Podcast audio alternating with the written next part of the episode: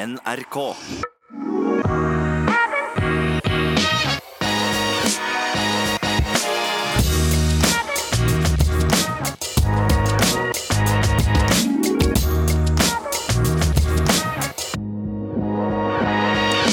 God påske, alle sammen, og velkommen til en ny episode av I det lange løp. Vi ruller på, selv om det er eh, høytid eh, rundt om i hytter og hus i dette landet. I dag skal vi ha gjest av en verdensmester. Flere ganger verdensmester, faktisk. Hans Christer Holund, som lykkes å vinne både stafett og ikke minst 15 km intervallstart i skøyting under VM i Oberstdorf. Og han stabler treninga si på en helt spesiell måte. Det skal vi få et innblikk i. Det syns jeg blir interessant. Men før det så skal vi selvfølgelig til Christian Ulriksen. Hva er det du går og grunner på av trening om dagen? Nei, vi er ikke like kreative som han Holund, men vi er på tredje uka her på programmet som heter Et siste forsøk, så det går jo fremover. Last try. ja, det er, det er stigning. Jo da, det er brukbart. I dag er tirsdag, så jeg fikk kjørt oss en litt eh, sånn oppdelt tempoøkt i dag. 60 minutter totalt. Så for ti dager siden så hadde jeg jo en sånn oppdelt tempo på 40 minutter. Så eh, nå er vi på, på 60 minutter. Så eh, begynner å nærme oss tida for å kanskje ta frem intervallskoene igjen. Ja, muskulært så blir du mer utholdende, for dette her hadde du ikke tålt for en måned siden. Nei da, det var 3.54 i snitt her på, på, litt over en time. Jeg sprang vel 16 km, så det går fremover. Toleransen blir bedre, og pulsen er nå så som så, og, det er selvfølgelig tungt i, i perioder. Det jeg merker mest det nå når man springer hver dag, er jo at uh, opp- og nedturene er jo større nå enn de har vært den der perioden der man hadde hviledager hele tida og kun sprang intervall. Så uh, håper nå å kunne bygge oss opp til 100 km stabilt i uka, og så uh, finne i hvert fall to gode hardøkter i uka. Det er ikke så dumt. Selv har jeg vært gjennom eh, noen hardøkter siden sist. Jeg har løpt 10 ganger 1000. Det er jo ikke så mye spesielt ved det. Så løp jeg 28 km progressivt på, på mølla. Slutta faktisk i ganske god fart. Den var nok den beste dagsformen jeg har hatt på veldig, veldig lenge. Og i dag så kjørte jeg en annen klassiker, fire ganger tre kilometer med to minutter pause. Så vi surrer nå på her oppe på mølla på Råholt òg. Så formen blir iallfall ikke dårligere. Nei da, og så er det jo bedre og bedre vær her. I dag var det jo pinadø med nesten 20 grader, så det er klart at treningslysta den, den stiger også med temperaturen. Men jeg regner med at det er ingen av dine egne treningsøkter som egentlig har vært eh, det råeste du har vært vitne til eh, siste uka? Vi har sett på sosiale Nei, medier at du har vært i nærheten av Sondre Nordstad Moen på sykkel. Ja da, han Nordstadmoen skulle jo da dra til Kenya i går på mandag, og kom seg på Gardermoen der og fikk rett og slett beskjed fra, fra høyere hold i, i både ambassader og, og, litt andre ja, kjente i, i Kenya om at nå gikk det mot lockdown i Kenya. Så han snudde rett og slett på Gardermoen og, og dro tilbake der han bor på Spikkestad. Men, eh, men jeg var med på ei økt med han på lørdag. Da kjørte han en seks ganger 3-1, så eh, tre kilometer på ja, litt fortere enn maratonfart og 1 km på eh, litt sånn 3,40 eller 3,35 i snitt. Så eh, det gikk jevnt på 9 blank på dragene og 3,40 på flytpausen. Så eh, jeg kan jo egentlig ikke skjønne at han ikke springer fortere enn han gjør i konkurranse, men det får vi se om vi får gjort noe med her om en par uker. Ja, vi får jobbe litt med det. 3,40 i pausen der også. Det er noen som har det som hvilefart. Det er godt å å, å, ta med seg. Men uh, med Kenya ble det ikke. Det begynte å komme inn uh, meldinger til meg også her i helga om at uh, store løpestjernene begynte å flykte fra Kenya. og Innenriksflyet hadde stoppa opp, og det var bare å kjøpe, kjøre Matatu, den kenyanske eh, taxi-varianten. Taxi kanskje litt drøyt å kalle det, men begynte å kjøre milevis med den for å komme seg til Narobi ut av landet, så det var kanskje greit å ikke dra, dra nedover. Men eh, det tikker mot OL, og folk har jo dratt i gang OL-kvalifisering. Det, det, er jo ikke så mye tid i år å, å gjøre det på. Hvis det blir OL, så så kan man jo ikke drøye til ute i juli med å kvalifisere seg. Og når det gjelder maraton, så kommer jo selvfølgelig OL-maratons såpass, såpass, brått på når man er ute på sommeren at man må gjøre unna siste maraton nå. Og, og, Storbritannia de hadde for første gang siden 1980 et rent kvalifiseringsløp eh, til OL. Det vil si at eh, det var vel en utøver som var forhåndsuttatt, men bak der så var det rett og slett å, å stille eh, opp i helgens kvalifiseringsløp komme seg topp to og samtidig ha klart uh, kravet. Det var jo et enkelt utgangspunkt. Fikk, fikk du sett? Ja, ja, ja. Det der Jeg fikk sett det siste halvtimen, og det der var en stor dag for folk som er glad i, i slitere, og folk som verdsetter hardt arbeid over lang tid. For, eh, for det der eh, bildet når han Chris Thompson, da, som vinner løpet på høy 2.10, når han går i mål der i en alder av 39 år og har fått en, en unge denne uka når, når, du ser på en måte hva, hva hardt arbeid og i nesten i 20 år, hva det kan føre til i en alder av 39 år, så er det nesten sånn at man blir litt rørt ut av det. Men, eh, men det var sinnssykt fortjent, og, det viser òg at, at, løping og det å holde i gang og det å aldri gi opp, til slutt så kommer resultatene. Ja, det var elleville scener over målet der, og det er jo ikke så rart. Chris Thompson etter han altså 39 år, følger 40 nå i april. Så han nesten eh, starta 40-årskrisa. Han har jo representert Storbritannia i en rekke internasjonale eh, mesterskap, men det har vært tynt egentlig de siste ti åra. Han tok sølv i EM i 2010 bak Mo Farah på 10 000. Etter det så har han egentlig blitt dårligere. Og så har han blitt maratonløper og hadde ikke kravet til OL. Det vil si at han måtte være topp to i løpet, og han måtte løpe under 2.11,30. Så slipper slipper han da teten mellom 10 og 15 km, for han kjenner at det går for fort. De har eh, økt farta, og han, han tenker som så at eh, hvis de er i form til å holde den farta her, i litt svingete løype inne i Key Gardens eh, utenfor London, så, så er de i god form. Jeg holder skjemaet mitt, og så ser vi hva som skjer. Så henter han de inn mot slutten, rykker fra og vinner. Og da er det altså fire dager siden. Han har fått sitt første barn med sin samboer Gemma Simpson. 1,58-løper på, på, 800 som, som, har løpt OL selv. Eh, hadde jo ikke sagt det til noen av at han hadde fått dette barnet, i hvert fall ikke til pressa sånn, for han ville konsentrere seg om, om, løpet. Og han skjønte jo knapt hva som skjedde der. 2.10,50, 40 sekunder under OL-kravet og, og, seier i kvalifiseringene. Det er bare å, å krysse av, ringe eh, beste flyselskap og bestille billetter til Tokyo, eller Sapporo, da, hvor maraton skal gå.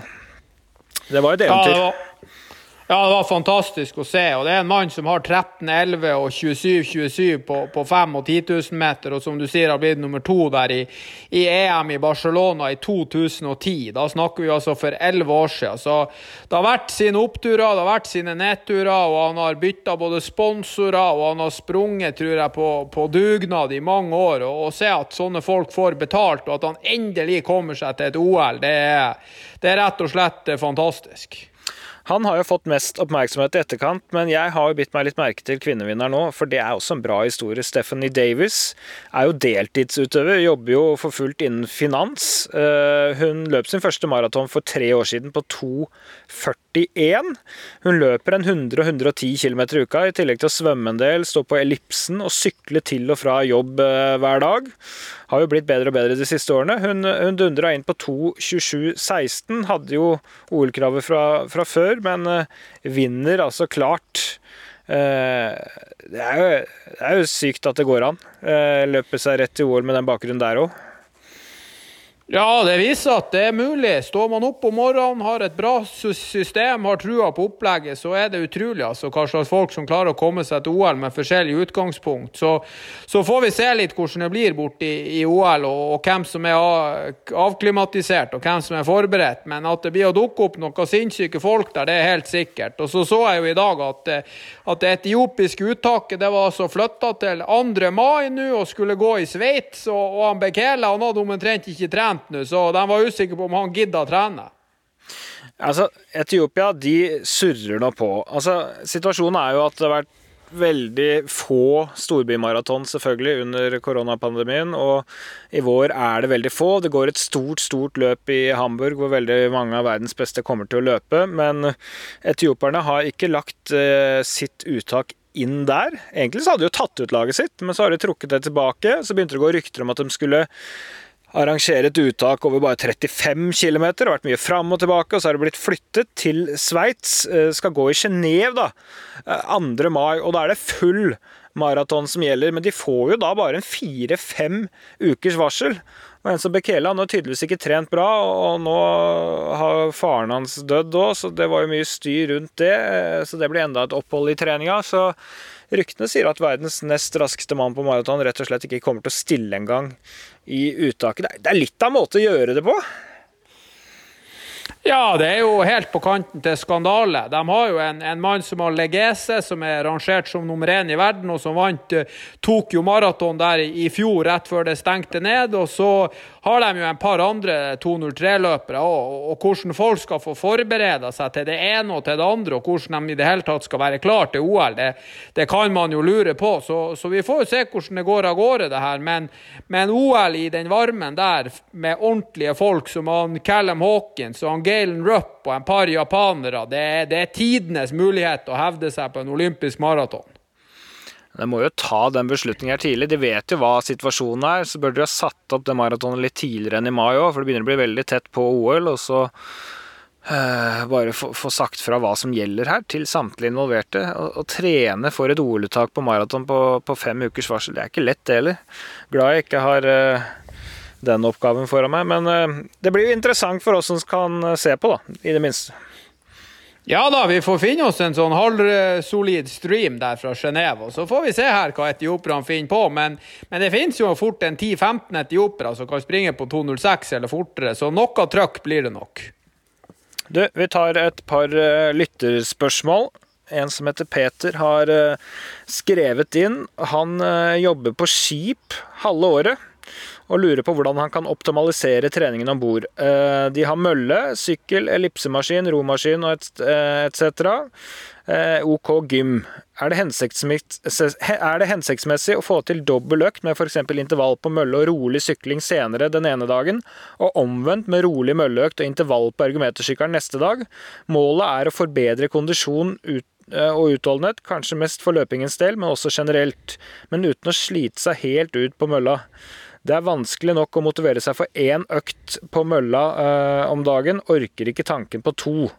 Har dere noen tanker rundt dette?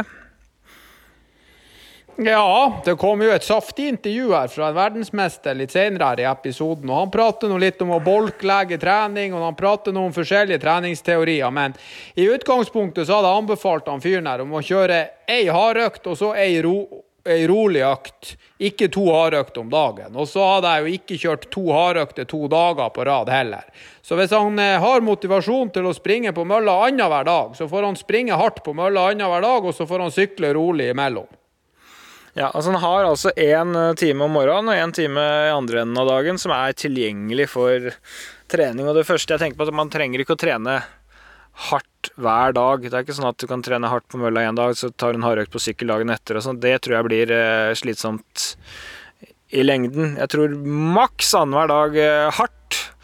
Og så får man egentlig trene rolig eh, det man kan innimellom. Så skjønner jeg at det blir litt sånn ensidig da, inne på treningsrom i lange, lange perioder av, av gangen. men da kan det jo være fint å, å, å ta noen type mølleøkter hvor det skjer mye underveis, som ikke er så kjedelig. Sånn som jeg kjørte i dag, fire ganger tre kilometer er kanskje litt kjedelig. Da har jeg heller tro på den Jakob Ingebrigtsen-varianten eh, 90 sekunder på, 30 sekunder av, eller 45-15, eller at du løper 3-4 km eh, først i ett drag, og så kjører 20 ganger 45-15 i midten, og så 3-4 km steady igjen etter det, eller man løper en 3000, 2000, 1000, og så gå på noen 45-15 eller noen 400 meter, et eller annet som man bryter opp og kjører litt forskjellige økter og få det minst mulig monotont, da, sånn at han ikke gruer seg hver gang. Og så trenger man ikke løpe seg fullstendig senk på disse hardøktene. Tenk på at uh, det viktigste når han er om bord på det skipet, er at han orker å holde treninga i gang. For går han på en smell etter en uke, liksom, og blir lei av hele treningsrommet, da er han ute å kjøre. Da blir han i hvert fall ikke i form, så det er bedre å holde litt igjen, tenker jeg. Må ikke ja, trene to ganger om dagen heller. Nei, nei, nei. Og så kan han jo ta og kjøre samme økt eh, annenhver uke for å se om han får litt fremgang. Og, det kan jo være litt motiverende, det også. Å få gjort noen, eh, noen målinger der på om han faktisk blir bedre. Det kan ofte hjelpe på motivasjon. Ja, Enten om den testen går bra eller dårlig, så hjelper det ofte på motivasjonen i etterkant. Så det er jo en veldig fin uh, variant. Så, så sikt deg på, på, en hard økt andre hver tredje hver dag. Ikke kjør den så hard at du gruer deg for mye til neste, og så gjør det du orker av rolig trening. Både, både løping og, og, de andre bevegelseformene du har mulig. Det du gidder etter det der. Men, men ikke, sørg for ikke trene så mye at alt blir et ork, at du risikerer å gi ut utpå der, for da, da, blir det dårlige greier. Et um, spørsmål til. Helt annen kategori. En som heter David, som har skrevet inn her. Um, har dere noen tips til hva man skal gjøre for å unngå å måtte på do under lengre løp og treningsøkter? Må ofte på do når jeg skal ha langturer. Sist jeg sprang maraton, måtte jeg også en runde på toalettet. Har dere tips? Ja, her er du bedre enn meg, Jan, for jeg vet at du har et par triks. Men for min del så har magen funka bra, for jeg har fått trent på forhånd og har trent på å ta i meg både drikke og, og, gel, så det har ikke vært et problem for min del. Men jeg vet at du har en par triks for å hjelpe til her. Ja, det er jo noen uh, varianter man kan ty til. Jeg, jeg, tenker at det viktigste er at man i hvert fall tester den drikken man skal innta på sånne type økter, og finner et eller annet som går bra for uh, egen mage. og Det må man rett og slett teste litt ut. Og så tenker jeg å spise enkelt, uh, ikke for avansert. Verken middagen kvelden i forkant eller på, på morgenen før økta. noen er jo også litt følsomme hvis de spiser mye fiber. Hvis du spiser veldig mye grovt veldig grovt brød eller, eller korn og, og, andre ting med mye fiber, så kan noen være litt følsomme for det. Så der gjelder, det rett og slett å gå en runde med seg sjæl. Ikke gå på indisk restaurant som du ikke har besøkt på et halvår liksom kvelden i forkant, men uh, kjør noe helt trygt. Uh, vi har jo tydd mye til um, rett og slett enkel sushi, som da er søt ris med lite fiber kvelden før, og så og bare kjøre på med ikke så veldig grovt brød, ganske lyst brød på morgenen med bare noe syltetøy eller noe annet søtt karbohydrater for å holde det så enkelt som overhodet mulig. Altså. Eh, men det er ja, kanskje holde seg unna sterk appelsinjuice og sånn. Det er noen som reagerer på det med, med, med syra. Så holder det til vann eller saft eller litt enkel sportsdrikk der i forkant. Eh, det er iallfall én variant. Eh, og så gjelder det å prøve å få gått på do, rett og slett. Før, eh, før man skal ut, i hvert fall på maraton eller disse lange øktene. Og da gjelder det å kanskje bare stå opp en halvtime-time tidligere enn man har tenkt, så man ikke får det travelt ut. Eh, begynne å gå, kanskje gå en kort tur. Litt varm drikke hender det hjelper for å få litt fart på systemet. Men å få det der unna er jo, er jo sentralt. Så kan man ha med seg litt Eh, papir da, hvis det er krise på økta, så få det unna. Det verste er jo å løpe med, med, dårlig mage over tid. For da kan du faktisk få trøbbel i flere dager i etterkant òg, hvis du presser det der hardt på en hard, lang tur og er dårlig i magen. Det, det kan sette magen ut i, i, flere dager, så det anbefaler jeg iallfall ikke.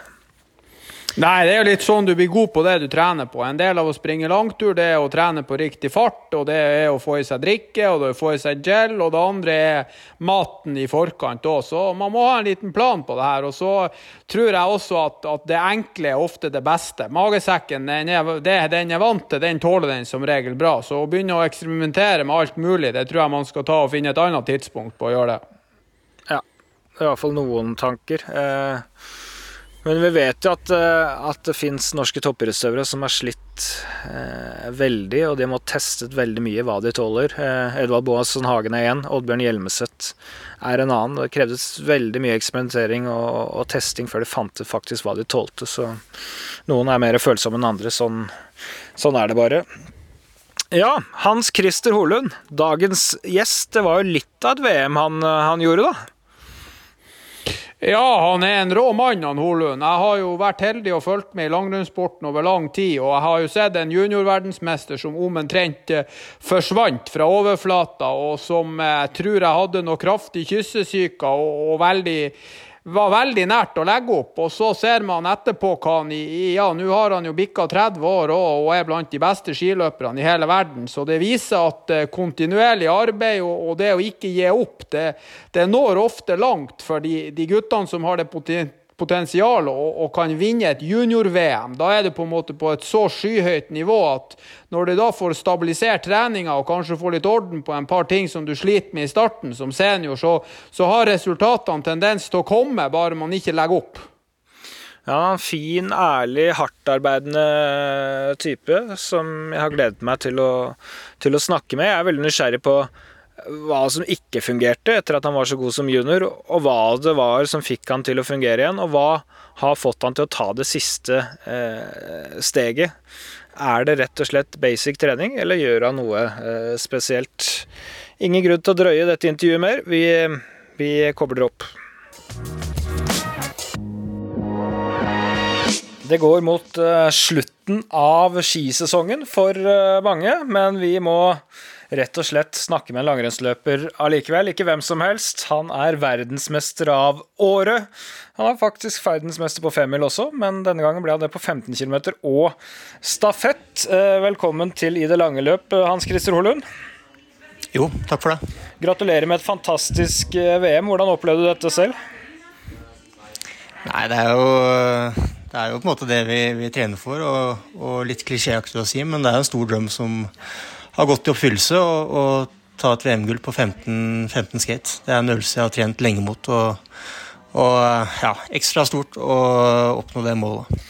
Nå er du verdensmester i, ehm, på femmil, og så er du det på 15 km med intervallstart. Det er jo mange som hadde valgt akkurat de to øvelsene hvis de skulle bli verdensmester i to. Har du, har du ja. tenkt på det selv? Jeg er god venn av, Petter Kinstad, og, og, han er jo litt over middels interessert i langrenn. og Han kunne da informere meg om at det er jo de to eh, mest eh, Det er jo de distansene med lengst store i, i langrenn. Og, og, så eh, ja, det er, det er to eh, fine distanser som, eh, som er en del av langrennshistorien. Og det medførte selvsagt at du fikk godt stafett òg. Det var første gangen i, i mesterskap. Hvordan var det? Nei, det, det, igjen så er jo det en, en, en drøm jeg har hatt lenge, å, å kunne gå stafett for Norge. og det nåløyet er jo veldig, veldig lite. Og vi fikk vel nesten vite på forhånd at eh, ja, jeg, jeg, måtte være best nordmann, og jeg måtte nok eh, Jeg måtte nesten vinne 15 skate for å få den tredjetappen. tredje etappen. Så det er trangt nåløye. og, og og eh, noe jeg har lyst til å gå lenge. Det medførte et visst press òg, vil jeg si, å, å, gå den etappen? Ja. Eh, nå har ikke jeg gått eh, stafett for Norge før nå, så jeg, jeg, skal innrømme at jeg sov eh, fryktelig dårlig den natta der, altså. Det er, eh, det er langt verre å gå stafett enn eh, en enkeltstart eller enkeltøvelse i, i VM. Da du får et helt annet ansvar, og, og alle forventer at vi skal vinne. Så, så, jeg var glad når jeg var ferdig med etappen min, og, og, og at vi klarte å, å dra i land seieren til slutt. Ja, det var jo den spurten, eller avslutningen, Klæbo klarte seg ganske fint mot Bolsjunov. Det skulle bli verre senere. Sånn som, sånn som det ble på femmila, så var det faktisk bare et par tideler eh, fra å ta medalje der også. Ja. Eh, det, er, det, er, mye gode skiløpere og, og i Norge. Og, og eh, ja. Eh, Klæbo, mange ser på Klæbo og Emil Iversen som sprintere, men de er eh, de, de, kan mer enn som så. Og, og eh, for min del så var jeg litt sånn litt tom for energi etter 35 km. Eh, mulig jeg var litt sløv på kostholdet dagen i forveien. og og uh, skjønte vel ganske kjapt at det, det, ikke kom til å gå, men, uh, men, uh, men all ære til Johannes og, Emil. De, de, de, ja, de, får på en måte vist at de, de kan mer enn en kun å sprinte. Og, og, så blir det en spesiell avslutning, men alt i alt så kommer vi godt ut av det. Du, det er en ting jeg tenkte vi skulle ta opp her eh, som gjelder treningsmessig, og det er eh, dette med formtopping, for jeg har jo sett litt på statistikken din. Nå har du gått seks VM-renn. Eh, det er jo ikke så veldig mange.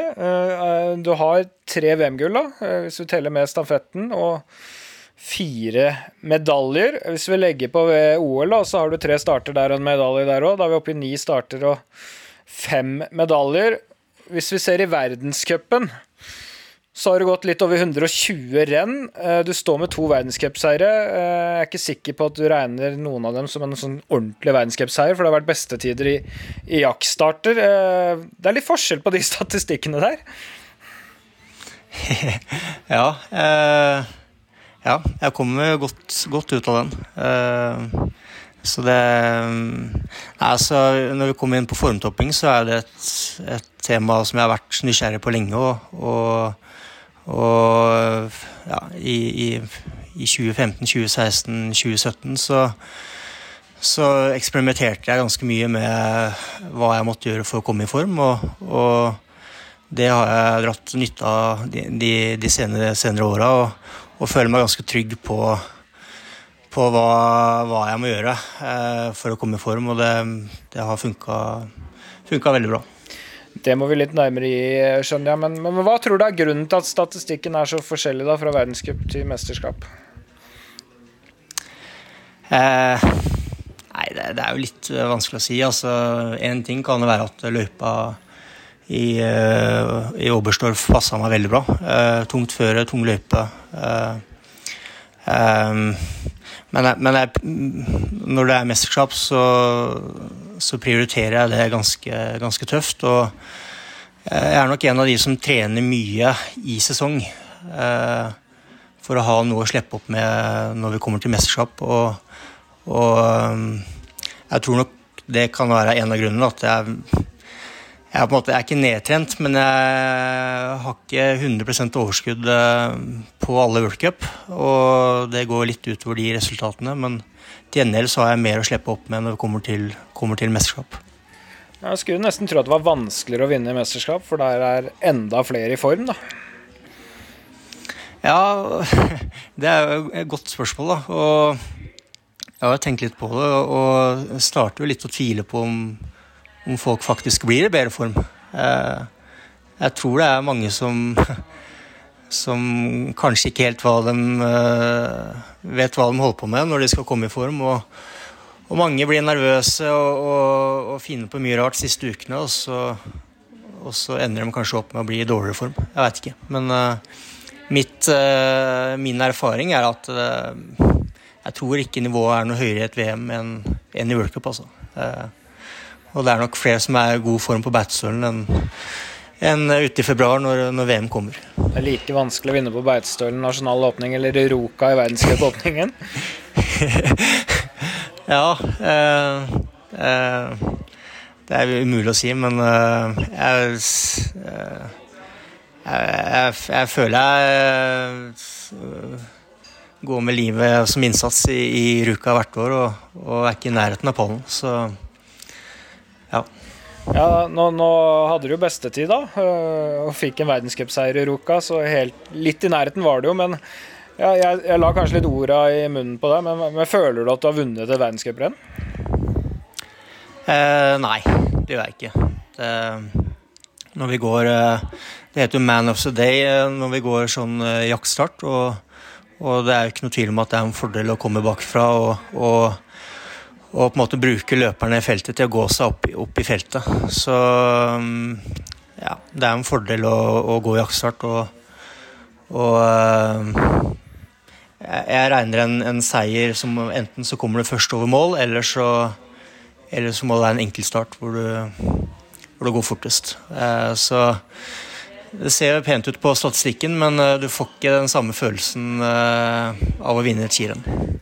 Ja, for du, du, vet jo ikke når du går over mål heller at du kommer til å ha beste tid den dagen, så det blir ikke den umiddelbare gleden, kanskje. Nei, nei. Eh, men tilbake til dette eksperimentet da, som startet for noen, noen, år siden med å finne toppformen når det gjelder. Eh, hva var det dere gjorde, og hvordan var det dere tenkte? Eh, tanken er jo at eh, jeg har jo alltid vært fascinert over en Thomas Alsgaard eller, eller Petter Northug, som alltid har klart å, å prikke inn formen. Og, og, og, det er jo litt bortkasta å være veldig godt tjent hvis man ikke vet hva man skal gjøre for å få ut uh, potensialet, potensialet sitt. Så, så um, det det starta med, var at jeg satte meg noen datoer på, eh, tidlig på våren og, og, gjennom sommeren hvor jeg lata som at det var, at det var mesterskap. Eh, og, og, prøvde ut litt forskjellige måter å, å trene på, og, og fant da etter hvert ut eh, hva som funka, og, hva som ikke funka.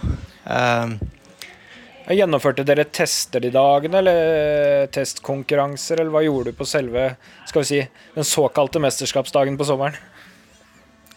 Eh, veldig enkelt. Jeg har en, en tredemølle hjemme. Og, og, økte farten eh, for hvert minutt. Eh, ligner ganske på en O2-test, men den varer litt lengre. Eh, og, og, kunne dermed sammenligne. Eh, og, og, så tok vi litt laktat, så på puls. Eh, og, så er det feeling da, som, som har mye å si oppi dette her. Ja, tre, Tredemølle, snakker vi da løping, eller har du en stor sånn skitredemølle hjemme? For klassisk. Løping. Løp, løping. løping. rett og slett. Ja, ja. I motbakke, da regner Hvis du løper Ja. For hvis du løper på, på motbakke på, på 10% så har ikke løpsøkonomien så mye å si. Eh, og, og, det er grunnen til at vi også kjører O2-test på, på 10% så så det er en enkel og grei måte å, å teste formen på. Så da testa du litt ulike oppkjøringer opp mot en sånn personlig test, da? Ja. ja. Og hva fant du ut?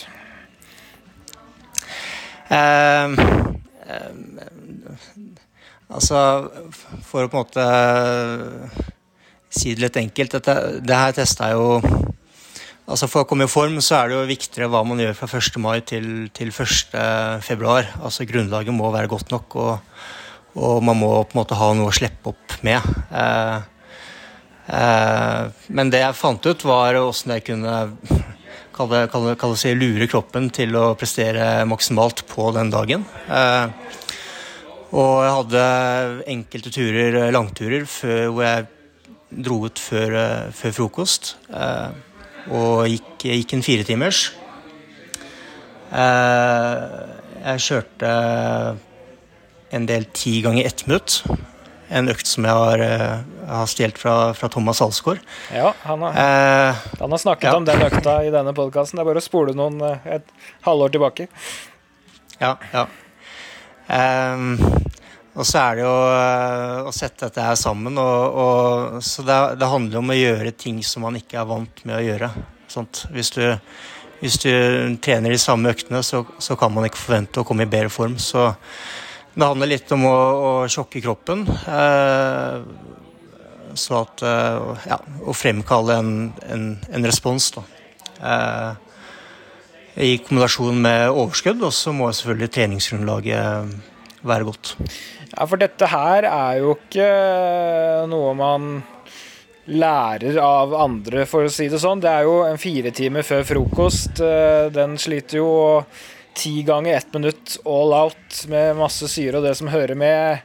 Den er jo ikke sånn helt vanlig, den Alsgaard-varianten heller, så du, du, skal være litt modig da, for å teste det ut. Men kanskje derfor du gjorde det på sommerstid? Ja, eh, det var det. Og og eh, før det mesterskapet her så, så, så turte jeg ikke å, å, gjennomføre de øktene der. Eh, det innebærer jo litt, litt risiko ved å kjøre det. Og, og, eh, hvis jeg skulle kun preppa meg inn mot ett skirenn, så, så, tror jeg det funker veldig bra. Men hvis du skal komme i form over en periode, så er jeg nok litt mer usikker på, på effekten ved å kjøre de øktene. Ja, for I forrige VM da, i Seefeld så gikk jo du bare én distanse, hvor du ble verdensmester på, på femmil. Det var litt annerledes?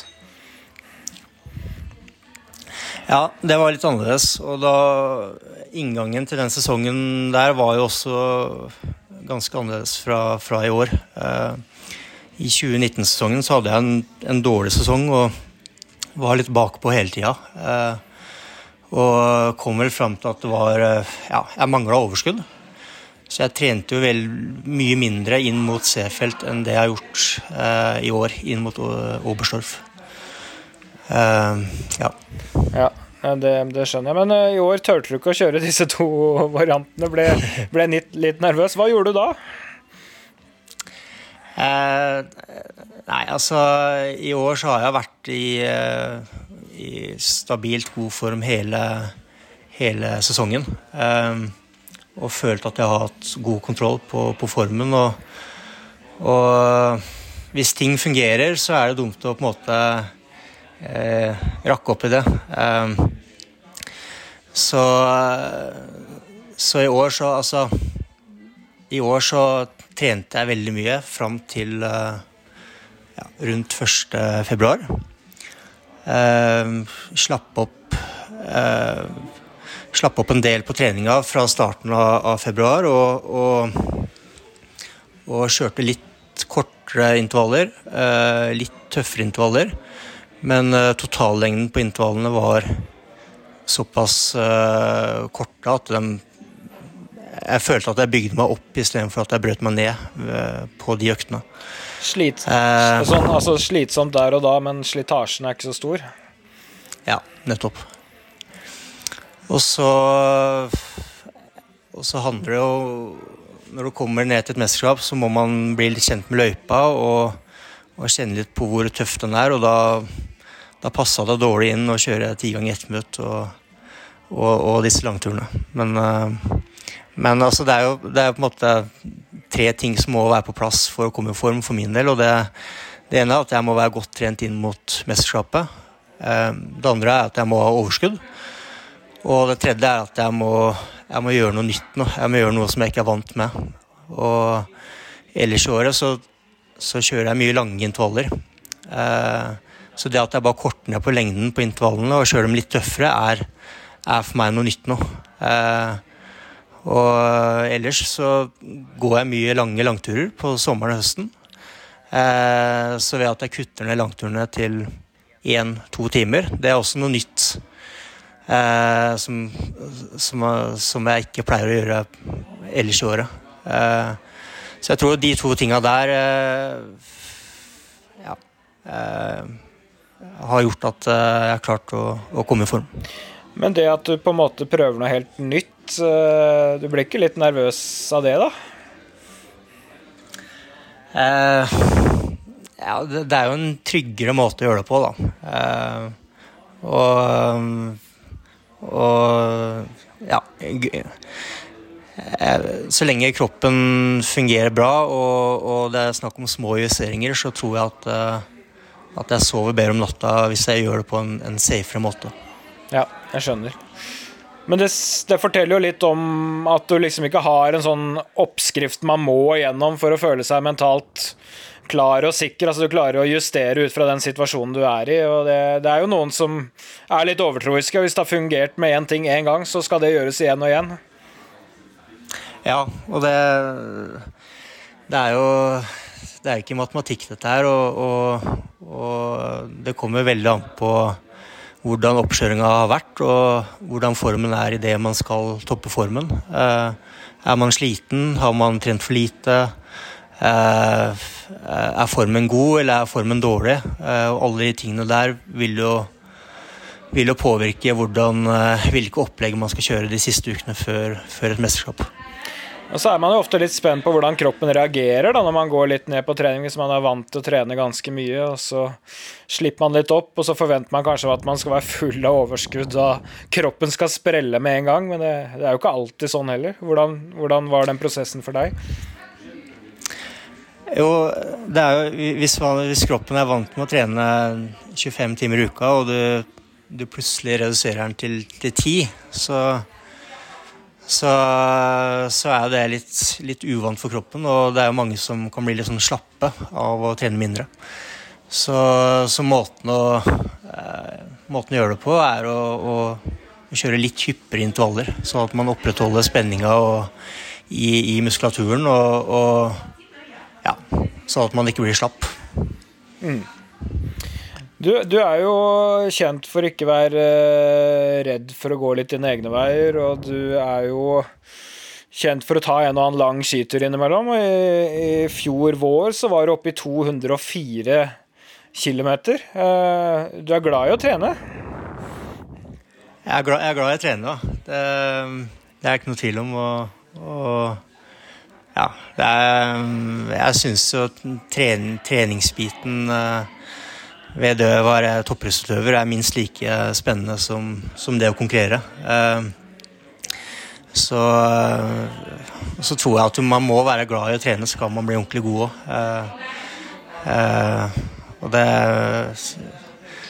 Ja, jeg tror jo eh, For meg så er det ikke noe, noe slit å komme seg ut på trening. Det er noe jeg virkelig nyter og, og syns er gøy. Og, og, og måtte forske litt på kroppen og se, se hvordan kroppen responderer på, på forskjellige typer trening. Så du, du sliter aldri med motivasjonen i så måte? Eh, altså etter et mesterskap så blir man jo Jeg blir litt utlada, det er klart. Det, det, er jo mye spenning og eh, mye som bygger seg opp inn mot et, et mesterskap. Eh, men eh, stort sett så, så, er ikke det noe problem, nei. nei. Jeg forstår. Eh, jeg tenkte vi skulle gå litt tilbake i tid òg, for det er jo ikke sånn at eh, du har kommet dit du er i dag uten motstand. Jeg tenkte vi skulle fortelle om litt, litt tilbake i tid. Du ble altså juniorverdensmester i, i 08. Året etter eh, gikk du også junior-VM. Da ble du nummer eh, tre som, som, best. Det året gikk du et par verdenscuprenn. Og så gikk det faktisk fire år før du gikk verdenscuprenn igjen. Og fra du ble juniorverdensmester til du ennå er på pallen i, i worldcup, så tar det sju år. Um, den perioden etter du var junior der, hvordan, hvordan var den? Eh, nei, det var, det var, noen tøffe år, altså. Det var det. Så Nei, det, var, det starta jo med at uh, jeg hadde et mål om å komme til OL i Vancouver i, i 2010. Uh, og, og ble jo litt inspirert av Bl.a. Petter Northug. Det gikk jo noen rykter om at han trente fryktelig mye på den tida der. Og skulle jo ta det siste steget, og det, det, det ble litt, litt mye. Eh, og så var det jo akkurat i den perioden hvor det var veldig inn med, med bolklegging. Eh, og, og vi, vi, vi, trente mye bolker med mange dager med, med intervaller på rad. Så Hvordan kunne en sånn bolk være?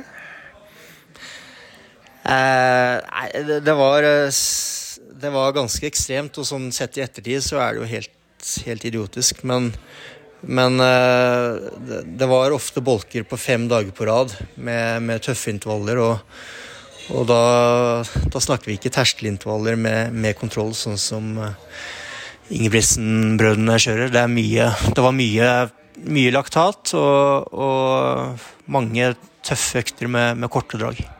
Ja. Og, og to hardøkter om dagen òg, eller? Nei, ikke to hardøkter. Det, det, det, er noe som har kommet de siste åra. Eh, men, eh, men, eh, Og det er jo noe jeg har kjørt sjøl òg de siste årene. Men, men, på den tida så kjørte vi én økt om dagen. Og da gjerne fem dager på rad. Og ja, på det meste så hadde jeg vel ni dager på rad da, med, med intervaller. Såpass, ja. Hva, hva førte det til? Det, fungerte jo bra en stund.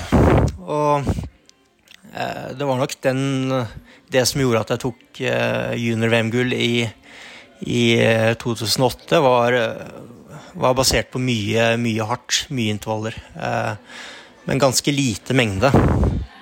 Jeg tror ikke jeg trente mer enn 500 timer i i 2008. Ehm, så jeg prøvde jo på en måte å, å kjøre en 2.0-versjon ved at jeg fortsatte å kjøre mye, mye, hardt, men la på i tillegg en del mengde, og da, da ble totalbelastninga for, for, stor. Eh, og jeg gikk fra å være i egentlig veldig god form den høsten, høsten inn mot høsten 20, 2009 Eh, til å ikke fungere i det hele tatt. Så, så det, det, var en, en, klassisk overtrening, og, og, det tok ganske mange år før jeg, klarte å stable meg på, på beina igjen. Og det tok flere år å komme tilbake til sitt vante jeg? Ja, det tok jo Jeg tror nok at jeg var Jeg sleit med overtrening i kanskje to år. Uh, år nummer tre så var jeg rett og slett bare i dårlig form. Uh, jeg trodde jeg var overtrent, men jeg var i dårlig form. Uh, og det, er fort å liksom bli litt, litt hypokonder og, og, litt sånn følsom på åssen kroppen er etter å ha vært overtrent. Og, så det gikk nok litt til huet på meg. Og jeg ble litt puslete på, på treninga. Og, og, hvis jeg følte meg tung en dag, så, så, så, var det lett å støtte seg på at nei, men jeg, er sikkert litt overtrent. Eller kroppen funker ikke, eller et eller annet. Pakka lår. Så det var jo det at jeg kom inn i Lyn og, og, og ja, brukte Stadheim, Hans Christian Stadheim som trener. og han er jo en, en uredd fyr og, og, sa det jo som det var, at uh, jeg tror kanskje ikke du er oversendt lenger. Jeg tror bare at du er, er i dårlig form. Og, og uh, ja, i, i, uh, inn mot 2013-sesongen så var jeg veldig nærme å legge opp og tenkte at her har jeg ikke noe å tape. Nå prøver jeg ett år til hvor jeg trener bra, og så, og så får vi se hva som skjer. Og det Heldigvis så så fikk jeg en god sesong i, i 2013.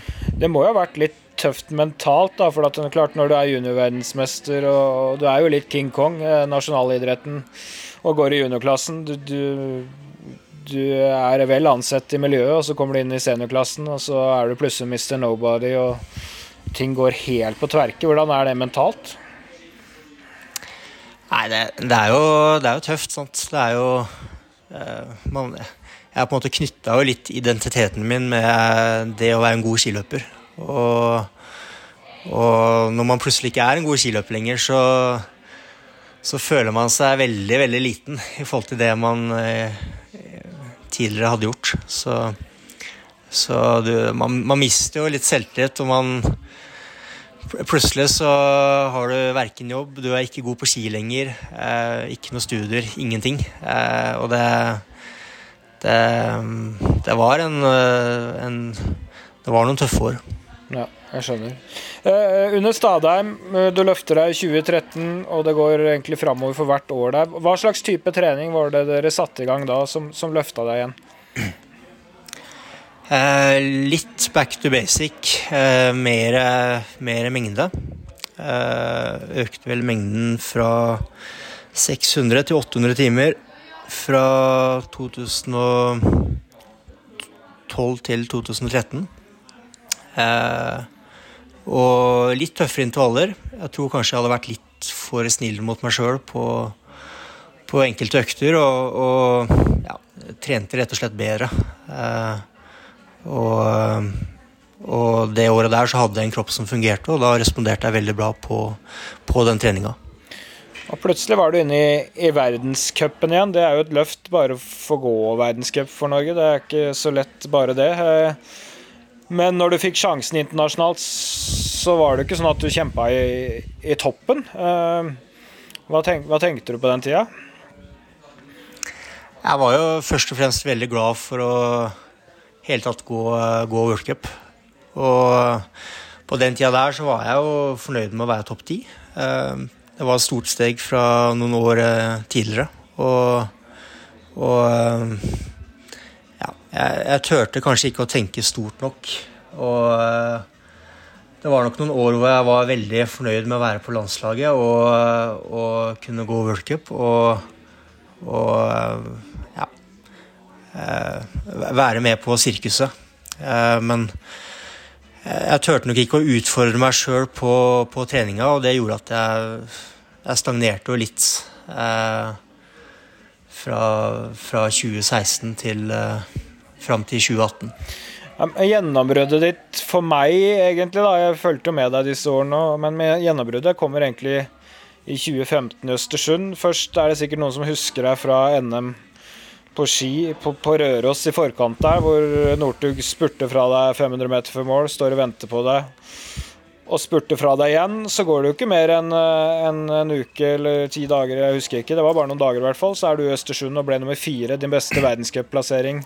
Og da er det helga før VM, det er fire dager før VM begynner i Falun, og du blir nummer fire. Da må du skjønne at her har jeg noe å gjøre. Ja. Eh, eh, ja. Jeg var i veldig god form i den perioden der, og og eh, helgen før, eh, før, NM så dro vi til Rybinsk eh, i, i, Russland. Og det var ingen landslagsløpere som ville dra dit, så, så da fikk jeg muligheten til å gå der. Og, og gikk to gode skirenn der. Ble vel nummer elleve begge dagene. Og så nummer to på, på Røros. Og det gir jo selvtillit, da. Og helgen etterpå så gikk jeg ja, ble nummer fire i, i Østersund. Eh, og da var jeg 0,7 sekunder bak eh, pallen. Eh, så jeg var jo veldig fornøyd med det løpet, men samtidig litt sånn ah, Tenk om dette her var min første og siste mulighet til å komme på pallen i World Cup. Og, og ja, jeg var nok litt seint ute med tanke på VM, men jeg var egentlig fornøyd med at uh, sesongen hadde gått som den gikk, og, og, det var nok det som gjorde at jeg kom, kom inn på landslaget. Ja, for det, det var jo en VM-øvelse som skulle gå halvannen uke etterpå. da, og Folk skulle jo kjøre en generalprøve. Folk var i form. Fin løype i Østersund. Eh, rettferdige forhold det var jo ja, ordentlig målestokk, da. Ja. Eh, jeg tror jo at hadde jeg, hadde jeg, fått muligheten, så skulle jeg nok eh, gått, eh, gått, noen gode skirenn i, i Falun. Men, eh, men et Altså jeg, jeg, hadde ett godt skirenn, eller to gode skirenn på 15 skate. Og, og, eh, med tanke på historikken eh, i årene i forveien, så, så skjønner jeg at de var litt usikre eh, på å ta meg ut på, til et, et VM-lag. Så ja. Jeg husker ikke så mye av det uttaket. Vi hadde jo Northug som var regjerende mester, selvfølgelig. Vi hadde Anders Glørsen som tok medalje. og vi hadde Finn Ågen Krogh som vant det nevnte løpet i Østersund. Han vant jo både sprinten og han ble vel nummer fem i VM, så du hadde vel gått for de fleste andre nasjoner, da. Det kan vi konkludere med. Men sånn er livet. Uh, men etter hvert så Du har jo blitt bedre og bedre for hvert eneste år, men hvis du skulle si noe til deg selv som sisteårsjunior, holdt jeg på å si, og hvis du skulle endra på ting i den perioden hvor ting ikke gikk bra, hva, hva lærte du av det, og hva hva ville du gjort hvis du hadde fått sjansen igjen? Eh, nei, jeg ville nok lytta mer til de som, eh, som hadde litt mer erfaring og var litt klokere enn meg sjøl på den tida der. Og jeg, var nok litt selvsikker på meg sjøl og, og, hadde jo egentlig ikke hatt noen motgang før, eh, før eh, første år som senior. Så så jeg ville nok vært litt mer ydmyk og, og tatt det litt mer gradvis. Ehm, jeg ble nok litt, litt grådig på, på, på, treninga, og da, ja, da gikk det deretter. Eh, det virker som du trener litt mer basic nå enn det dere prøvde på den gangen? Ja eh, Jeg vil ikke kalle det basic, men eh, jeg trener nok på en tryggere måte. Altså jeg kjører langt færre intervaller. Eh, har ofte én hard dag i uka. Men på den dagen så kjører jeg to intervaller. Så det blir jo en ganske tøff dag. Og så har jeg en del dager med, med lange langturer på, på, mellom fem og, og, og syv timer. Så, så det er ikke ja, det er ikke basic, men det er en tryggere måte å gjøre det på. Nei, det er kanskje ukestotalen som er, eh, er jo ikke helt vill, men det er måten du stabler det på, de timene, er jo kanskje litt uortodoks. Ja. Men hva, hva, er tanken med to hardøkter på én dag, hvis du bare skal ha en på en måte en hard dag i uka, kontra det å spre de to ut med tre-fire dagers mellomrom? Eh, nei, jeg, jeg, jeg, har blitt litt inspirert av, av maratontrening. Og, og etter hvert når man blir eldre, så, så, krever det et større stimuli for at kroppen skal på en måte gidde å bli bedre. Eh, øktene må bli, bli, tøffere på et vis. Og, Og, så derfor kjører jeg er jo den dagen veldig veldig tøff, men den krever jo en del restriksjonstid. Og det er ikke en, en dag du kan gjennomføre med, med kun to dager hvile mellom. Det, den, den, krever noen dager hvor man kan hente seg innpå igjen. Og, eh, ja, men jeg føler at jeg, jeg, jeg, får, jeg får mer ut av å og um, kjøre én tøff dag og, og, ha flere dager med litt roligere trening, for så å kjøre en tøff dag igjen istedenfor å kjøre, kjøre mange halvharde økter. Ja, for det, det vanlige ville kanskje være å kjøre en intervall tirsdag så kjøre en ny en fredag, liksom. Men du, du, du stabler mm. begge på en dag. Hvordan, hvordan, ser den dagen ut, da? Eh, altså Måten jeg tenker på, er jo harde dager, da. Jeg tenker ikke harde økter lenger, men jeg, jeg, prøver å tenke harde dager. Og, og um, så jeg først, skal jeg først ha en hard dag, så kan jeg like så godt kjøre to, to intervaller den dagen der. Og ofte så er førsteøkta en, en, uh, en økt i rulleskiløypa i, i Holmenkollen. Og det kan være alt fra tre ganger to runder til eh, tre ganger tre runder. Mm. Eh, så det blir jo da en eh, effektiv dragtid på mellom 60 og 90 minutter da, på, den, på den økta der. Ja. Eh, på økt nummer to så, så kjører jeg ofte en stakeintervall. Eh, og i år så har jeg fått meg en sånn stakemølle, så, så da er det veldig lettvint å å kjøre den på, på mølla. Eh, og da har jeg ofte fire ganger 15 minutter på, på andre økta. Da snakker vi altså to til to og en halv time i volum på drag på en dag, da. Ja. Det er jo eh, rimelig ekstremt. Hva, hva, hva, er intensiteten her, vil du si? Eh, altså nå bruker vi veldig lite laktat i treninga, men men eh, tanken er at jeg skal gå, gå, så fort som mulig uten å gå meg stiv.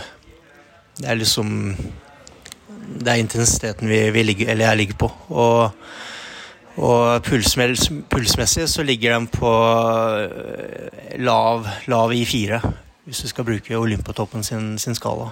Eh, jeg tror nok at terskelpulsen min er eh, ganske tett oppunder konkurransefart. Så ja, gå så fort som mulig uten å, uten å gå meg stiv.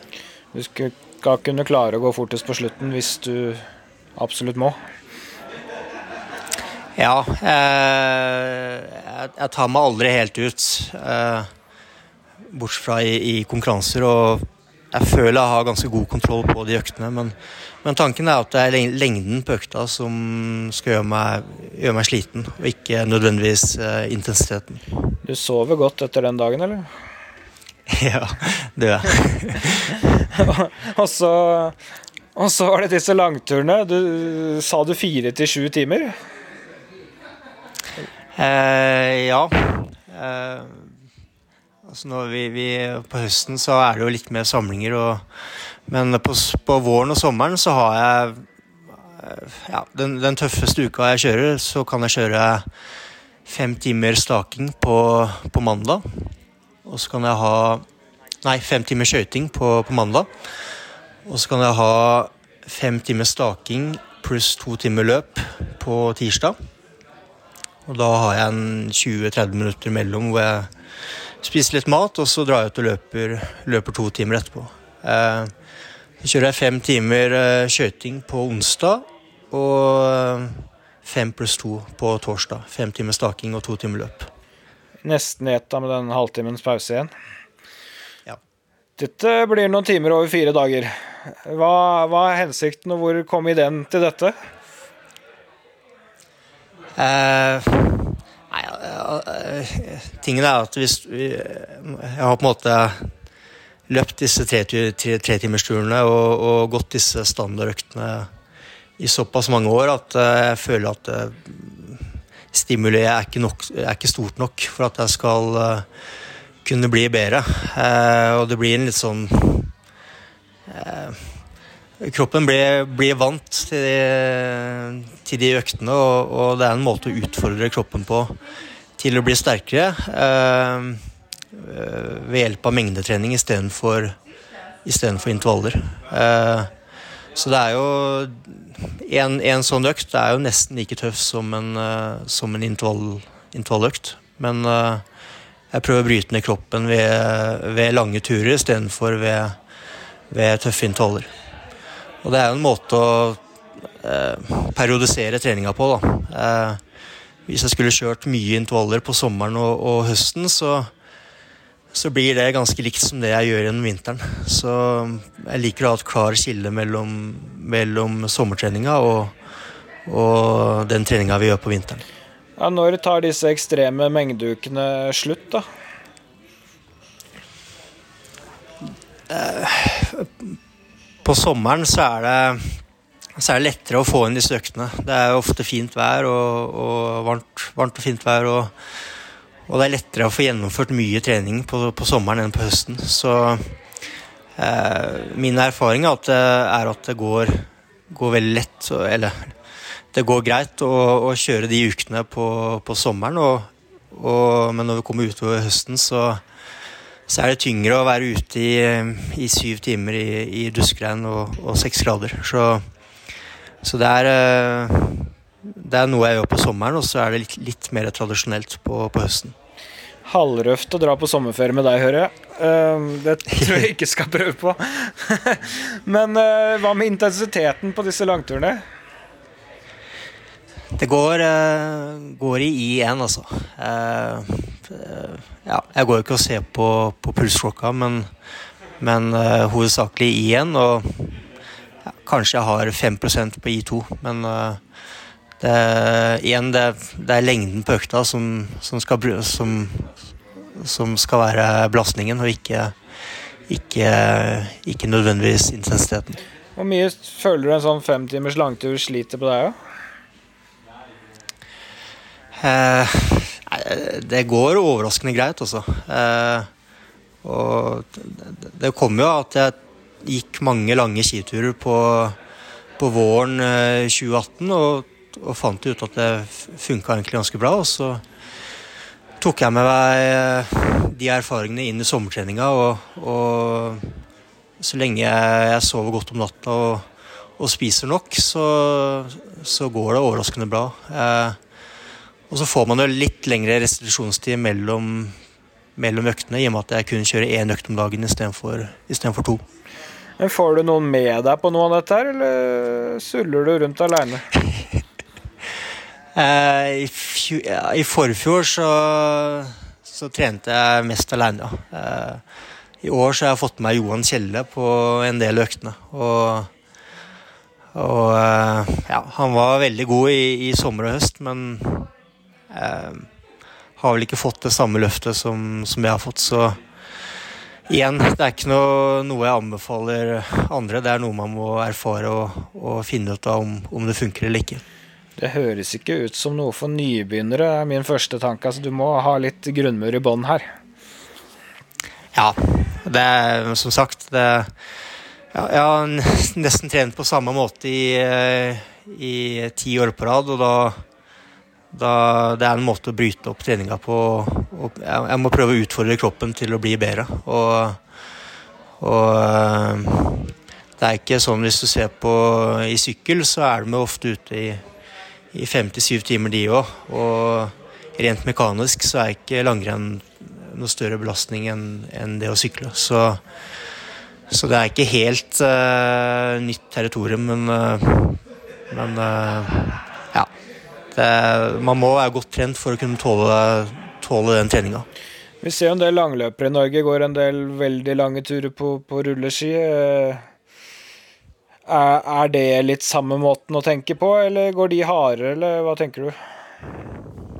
Eh, jeg veit at Ragde har en del lange økter hvor de også eh, kjører ganske hardt på slutten av øktene. Eh, så de prøver jo å simulere et, et langløp. Eh, og ja eh, For min del så handler det om å få lagt ned mye, mye volum og, og en, en femtimers rolig skøytetur ligner jo ikke på, på 15 km skøyting. Så vi har nok litt forskjellige tanker bak det. Men, men det er jo litt interessant å se at uh, den type trening også har gjort meg bedre på, på 15 skate.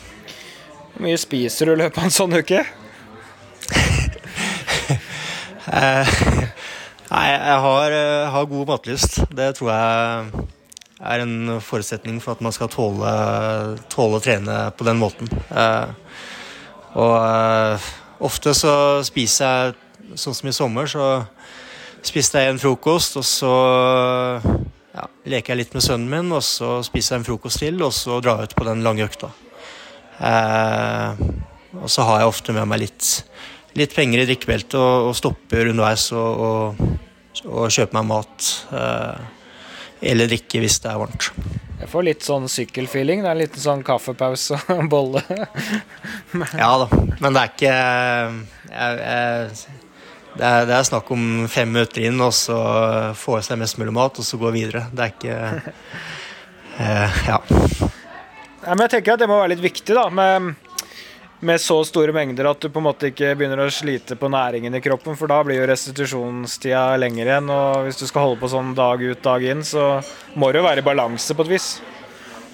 Ja, og det Jeg, jeg står nå på vekta hver morgen og, og, har god kontroll på den. Og, og eh, i de periodene hvor jeg har disse, disse øktene, så så veier jeg litt mer enn det jeg gjør på vinteren. Eh, helt bevisst for at eh, jeg skal kunne tåle. Og eh, ja, min erfaring er at hvis jeg, hvis jeg, har litt å gå på på sommeren, så tåler jeg også tøffere trening. Så det er absolutt viktig å, å få i seg nok, og gjerne ha litt, litt eh, ekstra å gå på i, i de tøffeste periodene. Men vi kan jo si at du har, du har trent litt forskjellig gjennom livet. da. Det er kanskje én type trening som førte deg til topp som, som, junior, og så er det noe helt annet som nå fører deg til topp som, som senior, så du, du har vært gjennom litt av hvert, da? Ja da, det, det, har det. Og det er jo litt av det som er gøy med, med, med treninga. Jeg, det, jeg syns det er veldig givende å, å, teste ut nye ting og, og er litt nysgjerrig rundt det. Eh, det er nesten så jeg gleder meg dagen et, til dagen etterpå, bare for å kjenne åssen kroppen kjennes ut hvis jeg har kjørt en ny økt. Eh, så eh, ja. Og så har det nok litt med at en, en, junior skal ikke trene på lik måte som en senior. Eh, I ung alder så har man gode muligheter til å øke VO til maksen, og, og, da er det naturlig at man, man, kjører kanskje litt mer intervaller og litt mindre, mindre mengde. Mens eh, når du har passert 25 år, så, så, er det på en måte Da får du ikke gjort noe med, med VO til maksen lenger, og da er det Eh, for meg er det dumt å bruke mye energi på, på, å trene på en egenskap som jeg ikke kan forbedre. Jeg skjønner, men jeg begynner å forstå hvorfor du eh, holder en femmil òg. det er ikke første langtur, langturen for året, for å si det sånn. Så det, det, skal være sikkert. Men du, vi må jo prate litt løping eh, på tampen her. Vi fulgte jo litt med i sommer. Det virka som du var litt tent på å løpe og prøve å løpe så fort du kunne? Ja, det, jeg har jo blitt litt bitt av den eh, løpsbasillen jeg òg, siste, siste, året. Og jeg, jeg syns jo løping er fryktelig gøy. Eh, eh nesten Jeg syns det er gøyere å løpe en tretimerstur enn å, å gå en femtimerstur på rulleski. Så, så eh, så har jeg en far da, som har løpt litt eh, opp gjennom åra, og, og, og, har noen tider som jeg har lyst til å slå. Da. Så så, og det er jo noe jeg savner med, med langrenn. Er at vi, eh, det er veldig vanskelig å sammenligne hvor god jeg er i forhold til Petter Northug eller, eh, eller, Bjørn Dæhlie. Så det, det, får du jo i, i, løping, og det, ja, det syns jeg er gøy. Ja, for du prøvde deg på både bane og på gate i sommer. Du kan jo fortelle hvordan det gikk selv? Jeg løp eh, på 3000, så fikk jeg vel åtte 8.33. Mm. Og på 5.014-51 Nettopp. Kom deg under magiske Så... 15. Det er viktig, det. Så målet til sommeren er jo øh, Min far har jo løpt på 8,25 og 14,31 på, på 5000. Så, så jeg har jo et litt hårete mål om å komme meg ned på de, de tidene. Men uh, merka du noe til at det var, er litt røft å, å løpe fort på den type underlag? Ja. Eh, det er jo Jeg er veldig glad for at det er kommet eh, nye sko de siste åra med, med, mye demping. og ja, Jeg har jo alltid slitt med å løpe mye eh, pga. skader. Og har operert akillesen og slitt litt med knærne. Men de siste åra med, med, mer demping i skoa, så, så har nok det gjort at jeg eh, tåler å løpe flere løp. Og, og ja. Eh, eh, det har nok vært eh, redningen for min del. Og så er jeg jo litt sånn som Didrik Tønseth at jeg har lyst til å kanskje sette av et år etter skikarrieren og, og, prøve å få noen gode tider på, på 10 000 meter og, og maraton. Det skal løpes maraton, ja? Ja, det må jeg nesten. Hva er det som lokker med den distansen? Nei, det er jo en ordentlig manndomsprøve. Og, og, det er gøy å ha en god tid på, på maraton. Eh, det er ofte maraton og 10 000 meter folk snakker om når, når man kommer inn på, på løping. Så, så, så blir jeg, har jeg blitt inspirert av dere. Eh, jeg er jo en fast lytter av, i det lange løp, og, og, og jeg eh, syns det, det er gøy eh, både treninga og og, og, eh, og ja, konkurransen. Det blir jo spennende å se om det blir Didrik eller deg som drar det lang, lengst. Da. Vi holder vel en knapp kanskje på Didrik foreløpig, etter det han har vist, men hvem vet? Han, han er nok på et nivå høyere enn meg, ja. Vi så jo Anders Glørsen i sommer. Han gjorde vel 2,27 hvis jeg ikke husker ja. helt feil. Så da det er, vel, det er, vel, en fyr du kan sammenligne deg med? Ja da. Det, det Ja, nå, nå, har ikke jeg løpt noen maraton, men, men eh, jeg tror det skal gå greit å komme under 2,30, og så og så ja, kommer jeg ned mot 22, så skal jeg være veldig, veldig fornøyd. Ja. Så sa jo spørsmålet til slutt, eh, selvfølgelig hvis dette er året etter du satser langrenn, når, tror du det blir?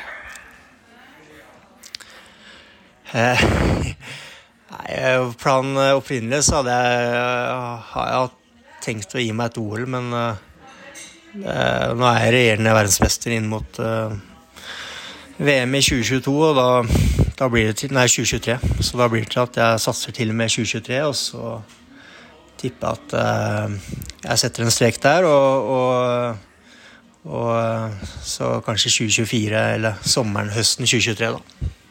2024, OL i Paris. men, eh, men, 2023, du vet jo at det er VM i Oslo, å si, VM i Trondheim, VM i Norge, var det jeg skulle si, to år etter det igjen. Du kan jo begynne å ja. komme i Ja, da, start, ja, da starter jeg å bli gammel, altså. Det, da er jeg nok for gammel til å konkurrere på øverste nivå. Men Eh, jeg har jo på en måte et mål om å kunne gi meg på topp. Og, så da tenker jeg at det kanskje er greit å gi seg mens, mens leken er god. Time will tell. Vi, vi, gleder oss til å se deg gå mer på ski, vi. Og så gleder vi oss til å følge det året med løping òg. Så da får du ringe på. Skal vi sette deg opp med noen gode folk i Oslo-området, så du får litt pes?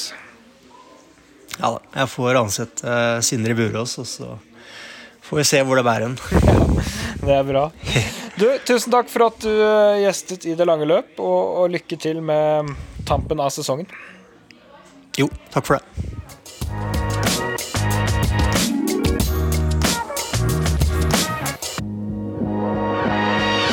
Ja, det var ikke alt som var A4 ved treningen til Hans Christer Holund. Kanskje, hvis du summerer alt opp, så er det mye mengde og ser kanskje ikke så annerledes ut enn det mange andre langrennsløpere i, i, samme klasse gjør, men uh, måten han stabler treninga på der, det må jeg si jeg var overrasket over. Ja, han har en, en, kreativitet der som er litt unik. Og så har han henta inspirasjon. Han snakka jo tidlig både om han Thomas Alsgaard og for så vidt han Petter Northug. Og han har prøvd og feila, og så har han hatt trua på sitt eget opplegg. Og, og på en måte hele tida videreutvikla det. Men det er klart at eh, den første uka du skal trene med Holund Han var jo inne på en kompis her som har vært lamma i, høst, og som var i sinnssyk form i høst. Og når sesongen kom, så var, var batteriet flatt. Så det, den risikoen der når du skal begynne på de her sjutimersrundene med Holund, da skal du i hvert fall ha trent litt før du begynner på det der. Altså To sånne sjutimersdager, så har du trent like mye som Sondre Nordstad Moen gjør i en time løping i, i uka. da. Eh, ja, det er jo helt umulig å løpe sju timer på en dag i, i lengden. Det blir iallfall ikke verdens beste maratonløper av. Eh, så det er jo forståelig. Men er, de der mengdeukene der, de, de er ekstreme. Altså. Du, selv om det ikke går så veldig fort, så skal du være herda for å tåle det der.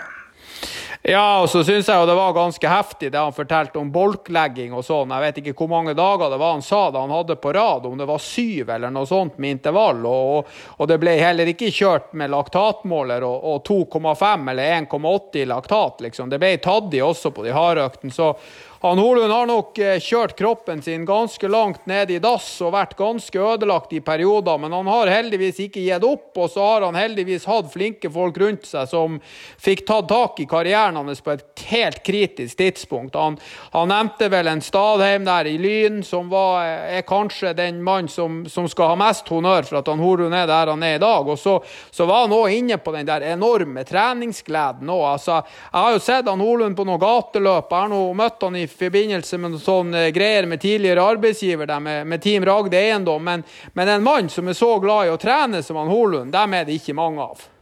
Nei, han, eh, han nyter å være ute og, og være i bevegelse, det, det, er helt sikkert. Men den derre uka han har Han kjører altså eh, hardøkt bare én dag, men da er det to eh, særdeles lange. Altså den ene hardøkta kan være halvannen time drag, og den andre kan være én time. Altså to og en halv time volum på, på, dragene på én dag, det, det, det høres røft ut. da, men Da er det en uke til neste gang du skal kjøre hardt. Det, det, det er ikke helt uh, A4 det der heller.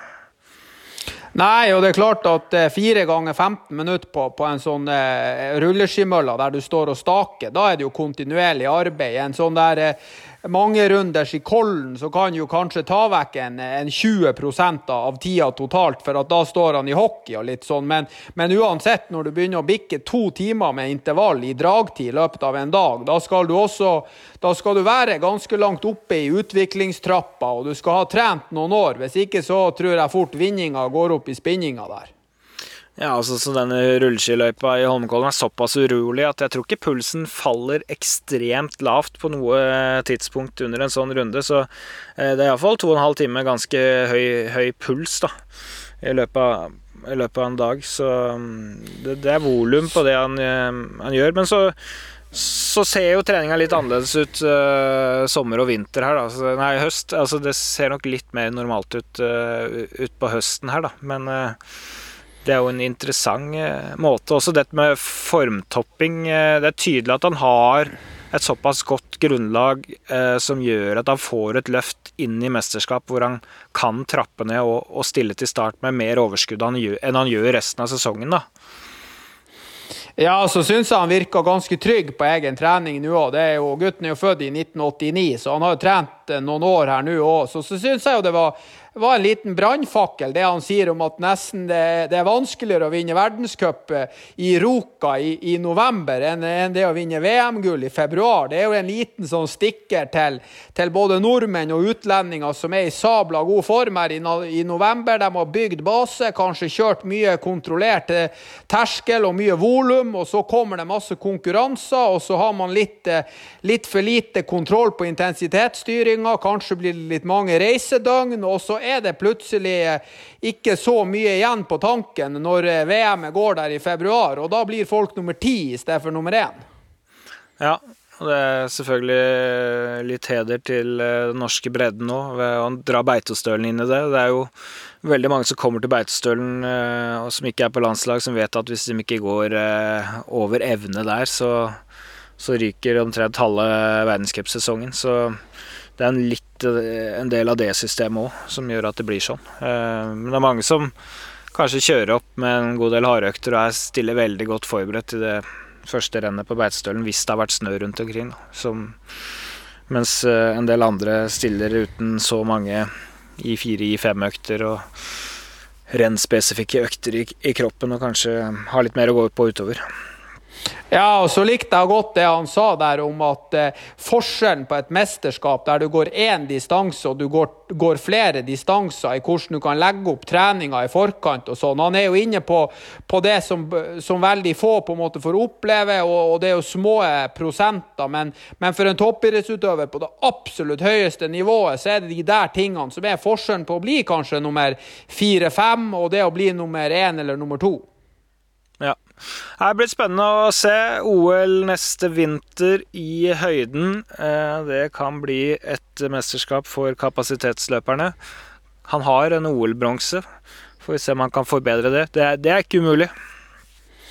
Nei, jeg er for å si det sånn, jeg, jeg hadde satt aksjene mine i, i Holund sitt, eh, sitt, selskap de neste to årene. Og så vet jeg jo at han har eh, løpt eh, rimelig bra i ung alder. Han Burås har skrutt av han at han har vært litt på trening la med han der. Så, så jeg, har jo, jeg, har jo, for så vidt også sett han på gateløp, så det hadde vært artig å, å få sett han med litt trening på en maraton, altså. For det om det kanskje går en, en to, tre, fire år, så, så hadde det vært artig å se hva en mann som han Holund kunne gjort med, med fire fire-fem måneder med, med god, spesifikk maratontrening. Ja, det virker som han er motivert for det, og nesten bruke et år på det greiene der. Og han har nevnt det for meg flere ganger, det var ikke noe som bare kom ut nå, så det er noe som ligger, ligger der, det. Så får vi se hvor fort han kan løpe. Kapasiteten er der, så hvis du får på bra med løpsøkonomi og litt muskulær utholdenhet der, så kan det bli ganske bra, det. Om det blir 2.23, eh, 2.19 eller 2.17, det, det tør ikke jeg å spå, men eh, det kan bli ålreit. Ja, men så tror jeg òg han skal konsentrere seg om langrenn til han legger opp. For etter at han Didrik Tønseth var med der i det der EM terrengløp, så tror jeg ikke det å komme som langrennsløper og fortelle at man skal drive på med litt løping her, det tror ikke jeg blir så godt mottatt.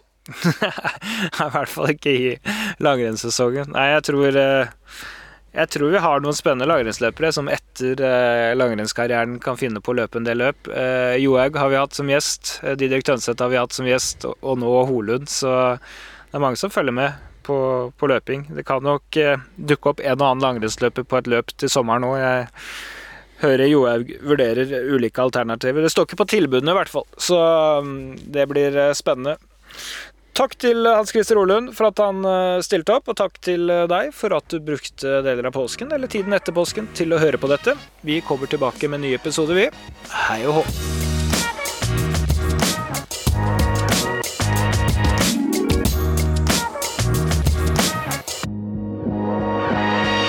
Du har hørt en podkast fra NRK.